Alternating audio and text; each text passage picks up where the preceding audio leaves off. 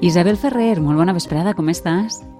Hola, molt bona vesprada. Així, ja disposada a parlar d'un tema que m'agrada molt. Ah, molt bé. I, i aquest tema que t'agrada molt, quin és? De quines músiques parlem avui? Doncs avui justament parlarem de les músiques pensades per a no ser escoltades, o almenys per a no Ai. ser escoltades del tot, podríem dir. Mm, això és possible? A veure, música de fons, de música, no? O què? O què? Efectivament, efectivament, seria allò que anomenem músiques ambientals. Suposo que quan mm -hmm. dic música ambiental, tot el món, evidentment, ho relaciona amb, amb això que has dit, que és aquella música que sona quan estem, per exemple, en un supermercat, en una botiga de roba, és el, el fil musical. Eh, les sí. músiques ambientals, a més de fer que comprem més, ens ensenyen moltíssimes coses sobre eixos espais, però també sobre nosaltres, les maneres que tenim de sentir, les maneres que tenim de, de comportar-nos. -huh. Mira, jo sempre he sentit, eh, crec que és una estratègia això de, de màrqueting, que les músiques eh, ambientals que trien als supermercats estan pensades per a fer-nos comprar més. Potser Bé, no? clar, dins d'un supermercat la idea és el consum perquè és obvi que a xicoteta i a mitjana escala sí, qui t'ha obert un negoci vol vendre això. Però a partir mm. d'aquesta premissa ja podem entrar a valorar el fet de si posar música o no pot considerar-se un mitjà lícit o honest per a incentivar la compra, perquè és una cosa molt invisible. És a dir, posem música per a millorar allò que es diu, eh, l'experiència del client i fer-la més agradable, que podria ser un argument, o, com s'ha dit altres mm. vegades i demostren alguns estudis, per a dirigir el seu consum? Mm. Doncs no sé. Eh, hi ha estudis que, que ho demostren, que ens donarien la resposta? Parcialment perquè, en realitat, més que vendre o no vendre, la idea que hi ha darrere de molts dels estudis sobre les músiques ambientals és conèixer millor com reaccionem a aquest estímul invisible. Perquè, justament, la definició de música ambiental és eixa. És la música programada no amb l'objectiu de, de constituir el punt central d'atenció de l'oient, que és allò que pensem normalment en la música, sinó senzillament amb el de proporcionar un ambient un rerefons sonor. Té, té la finalitat d'acompanyar una activitat qualsevol. Per tant, són, es tracta d'aquelles programacions musicals que, que ni serveixen per a ballar, ni s'ofereixen a l'oient eh, per a ser executades com d'una forma ritualitzada, no? com altres músiques. Mm. No estan pensades mm. per a, per a l'escolta activa. Són músiques per atendre-les intermitentment. I per a que ens, que ens situem ja un poc més sonorament, eh, a veure si endivineu per a què i per a quin lloc està pensada esta música.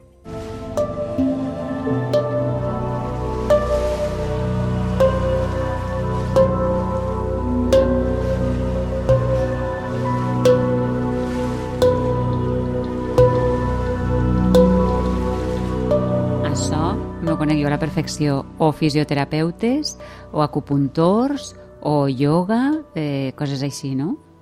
Sí, va, va per ahí. Sí, les, les, les pillen molt ràpid. És música per a un centre de bellesa.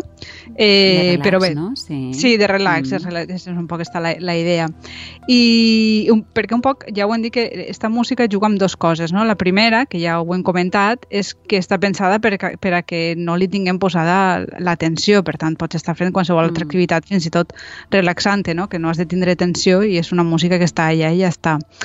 I i la, la segona d'aquestes coses per a aquesta pensada és, és la música, un poc és per a que la relacionem amb alguna sensació i amb algun alguna sensació o, per exemple, també amb alguna, amb alguna segment de població. Aleshores, per exemple, si jo vull atraure l'atenció d'un públic jove cap a un comerç determinat, utilitzaré la música mm. per a causar aquesta sensació de joventut, d'estar a la moda, d'alegria, que seria allò que fan mm. moltes, moltes botigues de roba per a gent jove. Eh, efectivament. No els posaran la música que acabem d'escoltar, ni clàssica. Eh, eh, efectivament. Clar, la, la posaríem, música que relacionem directament en aquest segment de població, clar. Sí, encara que en realitat, quan hi entrem, no es parem massa a pensar ni tan sols quina música és. És com que forma part de la botiga i explicarem com sí, juguen amb això després. Eh? Efectivament. Sí. Sí, sí, de fet, sí, sí. el coneixement és tan gran que, que tenen els publicistes que, que hi ha com unes certes empreses especialitzades i hi ha gent que es dedica professionalment i aficionats a crear llistes de Spotify amb músiques que recorden a aquestes botigues per escoltar-les després com una forma més no? de, de consumir eh, de diferent forma el que allí s'ofereix. Anem a escoltar una d'aquestes músiques que podria sonar en una botiga d'una coneguda multinacional de roba. Bruised, but I'm not broken. Damaged, but I'm coping. Holding on and hoping I'll find where I'm going. Bruised, but I'm not broken. Took some time to own it.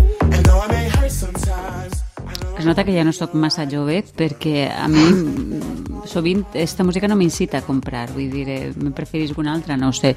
Eh, és fàcil imaginar-se, no?, en quina en botigues de, de roba, no? Eh, sí, no sé, però Zara, realment per és exemple, que o qualsevol d'estes.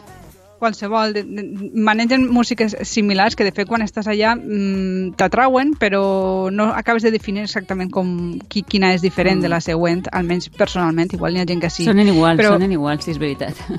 Sí, és més això, un ambient, no? I un poc Ah. la intenció jo crec que no és que compres tant, sinó eh, n'hi ha, un, ha un, un antropòleg, que és Josep Martí, que ha definit que el so ambiental eh, el que fa són tres operacions eh, molt eficaces eh, sobre el lloc, no? que és omplir, separar i definir.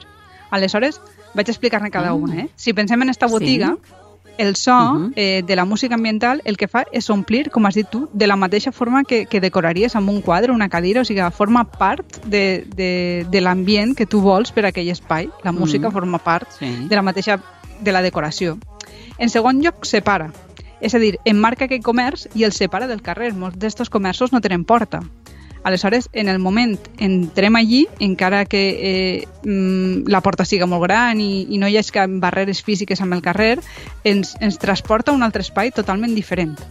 Per tant, el separa de, del carrer i en això té un paper la música, però també la llum, el perfum, no? Això tot és un empacatge. Mhm. I finalment, ja m'he explicat, defineix el lloc. Aleshores, si seguim amb l'exemple, la botiga de roba ens diu quina roba, quina roba venen, a quin segment de població és el públic objectiu, i amb la música ho fan d'una manera molt subtil, no? I ara, ara ràpidament, si voleu, eh, estàvem en un establiment i ara anem a estar en un altre.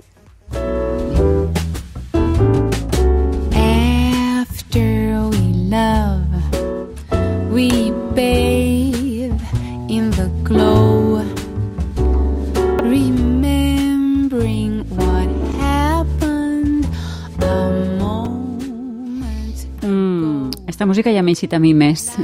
no sé si també és de, de... Per exemple, podria estar de roba, però així com a més, eh, no sé, de més de majors, o en un restaurant, a lo millor, no sé, pot ser.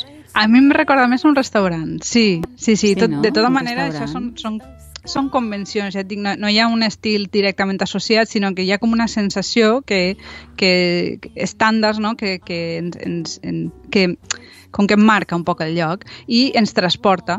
Aleshores, els, els encarregats d'ambientar sonorament els espais saben molt bé què ens recorden aquestes músiques i juguen amb, aquestes idees per a, per a dotar d'identitat a aquests jocs. De fet, està ple de pàgines web on es fan recomanacions de músiques per als nostres negocis, si teniu un negoci ho podeu buscar, i també, per exemple, com anar modificant-les al llarg del dia. Eh? Si, per exemple, tens una cafeteria, eh, està estudiat que mm, no posaràs la mateixa música de matí, no? que te diuen que una música tranquil·la, ens estem despertant encara, que al migdia, que a la- a a l'hora de, de, de mitjan vesprada, no? de fer la cerveseta, que a l'hora del sopar. Clar. I això, tot això, hi ha, Sí, sí, sí. hi ha empreses que es dediquen a, a vestir musicalment Estudiat els tot. espais. Mm, està, està tot Mare estudiat. meua. Sí, sí, sí, ens tenen eh, agafats per totes bandes. Eh, Mm. També escoltant esta última música que has posat, eh, per exemple, m'imagina música en directe, no? Podria ser perfectament. La música directe també compta com a música sí. ambiental? Doncs mira, és una bona pregunta. Per a mi sí que pot ser-ho, perquè no hi ha una definició tancada, però eh, jo crec que allò que considerem música ambiental no depèn tant dels mitjans amb els quals es produeix, que pot ser en directe Mhm. o en llaunada, com de la funcionalitat que li, que la, que li vulgui donar qui la programa o qui la fa i sobretot els espectadors. El que passa és que avui en dia ha arribat a ser tan econòmic tindre un fil musical automàtic que en el moment en el Clar. qual hi ha música en directe, immediatament ho associem a un espectacle al qual hem de parar atenció. Això en el passat segurament no era així i no sabria dir si és una sort per als músics o no, perquè d'una banda quan toquem ens atenem més, clar, perquè és una cosa que ja ha passat a ser una, una cosa extraordinària, però també són prescindibles ràpidament si qui programa la música decideix suplir-nos per música enllaunada, que és el que passa en el 99% d'ocasions. Mm -hmm, és clar. Perquè eh, des de quan hi ha, eh, Isabel, eh, música ambiental? Doncs crec que ja he explicat en alguna ocasió que abans del segle XVIII bona part de les músiques s'escrivien tenint en compte la seva finalitat, que podia ser mm, formar part d'un espectacle de teatre, incloure's dins d'un ritual religiós, un ball... Aleshores, no existia el concepte tant de, de concert com l'entenem avui en dia, que és un espai on anem exclusivament a escoltar música i que està molt ritualitzat. Amb això vol dir que per a que existisca el concepte de música ambiental, prèviament era necessari també que estigueren molt ritualitzats els, espectacles musicals, els concerts, que és una cosa que passa sobretot a partir del, del 1800, durant tot, tot el segle XIX. En tot cas, el concepte de música ambiental com l'entenem avui eh, li deu molt a un compositor francès de nom Eric Satie, que va ser un compositor molt curiós, un tant excèntric, per dir-ho així, i molt visionari en algunes coses. Per a que el situeu un poc en el temps i com sona la seva música, anem a escoltar la seva peça més famoses, que són les Gimnopedis.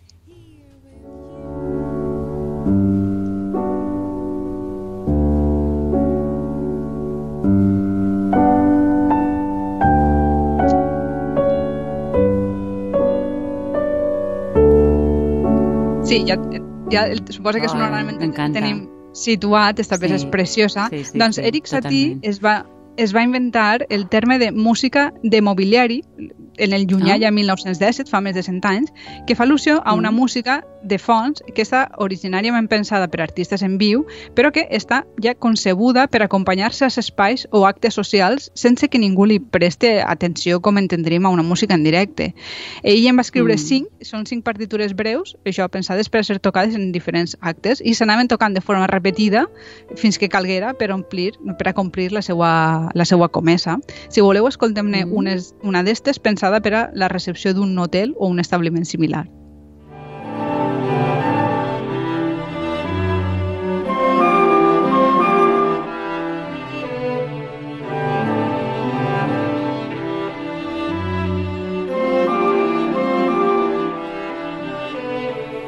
Però, eh, Isabel, es va repetint així? No, no té cap més variació?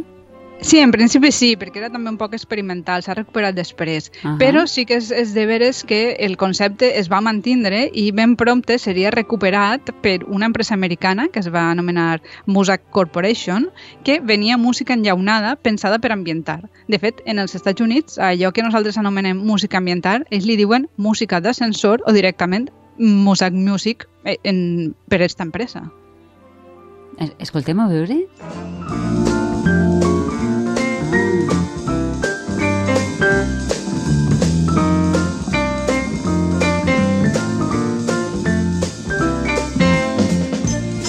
Ja veieu que és música que sona especialment alegre i és que la mateixa Mm. Muzak Corporation ràpidament ràpidament va veure que si no volien quedar eclipsats per la ràdio, perquè penseu que per a música ambiental també està la ràdio, eh, la ràdio musical, havien d'oferir alguna cosa més que música enllaunada.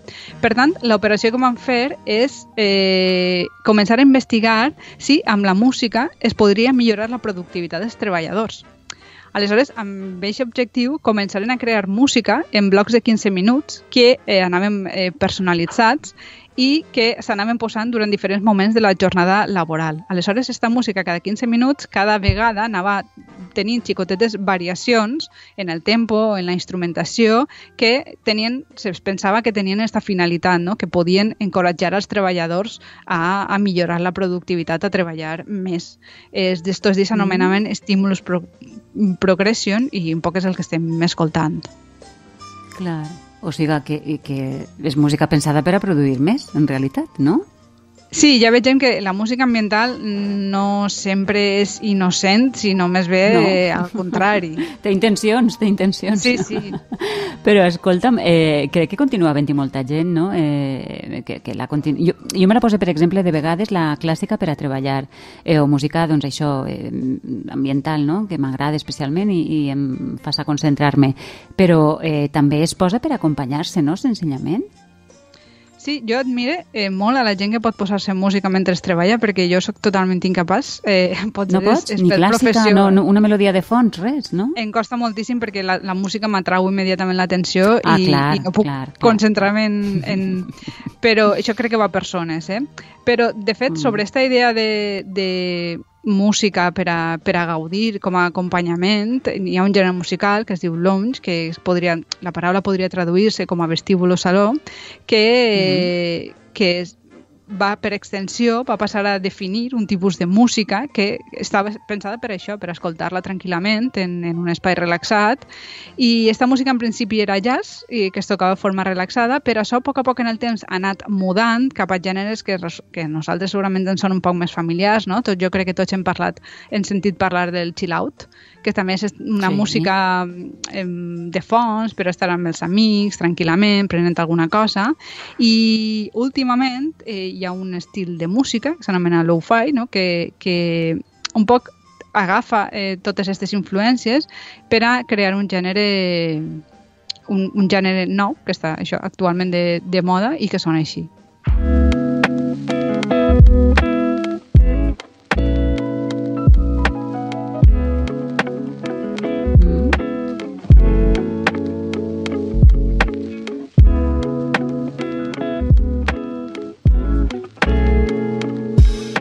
Sí, esta música l'utilitza gent això, per estudiar, per estar relaxat tranquil·lament i té com este Sí, punt sí. com vintage, no? Este so com també com de Mm. disc de, de vinil i per totes aquestes músiques de vegades engloben un anglicisme que és easy listening, que és, que és eh, música easy listening lis, fàcil d'escoltar, no? Per a, per a tindre de fons i que es continua, continua sent, tenen gèneres propis i per tant un poc la, la pregunta així a l'aire seria com, com es relacionem en l'actualitat amb el silenci, amb la contaminació acústica, on està el límit no? de que ens posen música als mitjans de transport, als espais, com, com ens relacionem amb el so, que seria un poc la reflexió final i també l'exercici no? d'entrar en un lloc i parar-se a, a escoltar quina música n'hi ha, com, com, com defineixen sonorament els jocs. Sí, molt curiós, eh, l'espai d'avui. Eh, mira, el Sergi, el nostre director, és un fan absolut, eh, del lo-fi. I està bé, està bé. Mm, mm. Interessant, mira, igual la substituïs per la clàssica de tant en tant. A veure, sí, sí, molt, eh, perquè no ho coneixia. Eh, Gimnopedis, tot i això, és eh, la que més, eh, l'estil que més m'agrada a mi Sí. del que hem posat. Sí, És un gran clàssic. Sí, sí, sí, i tant que sí. Doncs Isabel, moltíssimes gràcies. T'esperem la setmana que ve amb, amb música ambient de fons, també rebrem. Una redundància, música ambient de fons, sí. Bona setmana. Gràcies. Gràcies, adeu. Adeu. adeu. Dones, què passaria si un dia s'alçarem? Si trencarem els barrots, si plenarem les garrafes, els deixaríem a tots plegant garrofes, que ja és hora que deixen de...